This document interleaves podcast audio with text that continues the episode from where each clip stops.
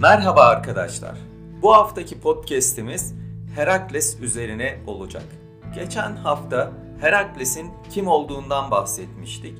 Bu hafta Herakles'in günahlarından arınabilmek için ona verilmiş olan ve yapmakla yükümlü kılındığı 12 görevinden bazılarından bahsedeceğiz arkadaşlar.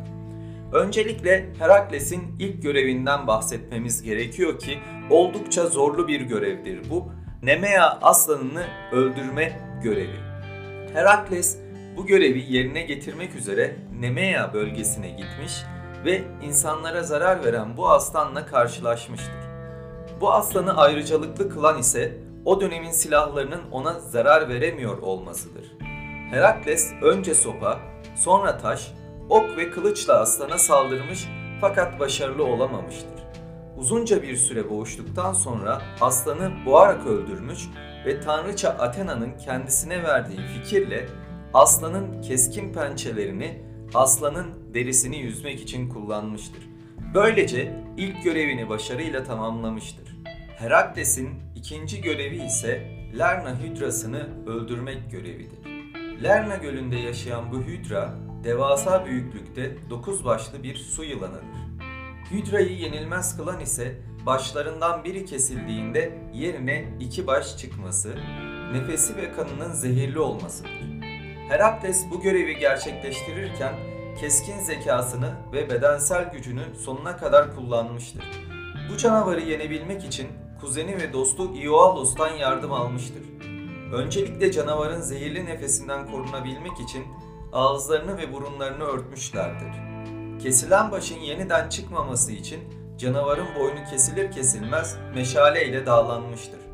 Hera canavarın yenileceğini anlayınca onun yardımına dev bir yengeç gönderse de Herakles onu ayağıyla ezmiştir. Hydra'nın ölümsüz olan son başı ise dev bir kayanın altına konulmuş ve hareket etmesi engellenmiştir.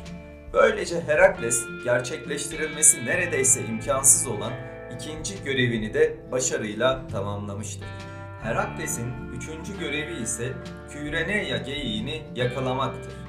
Son derece hızlı olan bu dişi geyik, erkek geyiklere özgü boynuzlara sahipti ve bu boynuzlar altındandı. Geyiğin izini bir yıl boyunca süren Herakles, su içerken geyiği yakalamış ve geyiğin sahibi Artemis'ten geyiğini kullanmak için izin almıştır. Böylece üçüncü görevini de başarıyla tamamlamıştır Herakles. Herakles'in dördüncü görevi, Erymantos yaban domuzunu yakalamak. Herakles bu görev için hemen Erymantos dağına doğru yola koyulur. Yol üstündeki arkadaşı Folos'a uğrayan Herakles, arkadaşına görevini anlatır. Folos'un yanında bulunan Chiron tarafından verilen tavsiye ile kar tabakasının kalın olduğu yere tuzak kuran Herakles, insanlara ve tarlalara zarar veren bu yaban domuzunu bir yıllık bir bekleyişin ardından yakalar ve bu zorlu görevi de başarıyla tamamlar.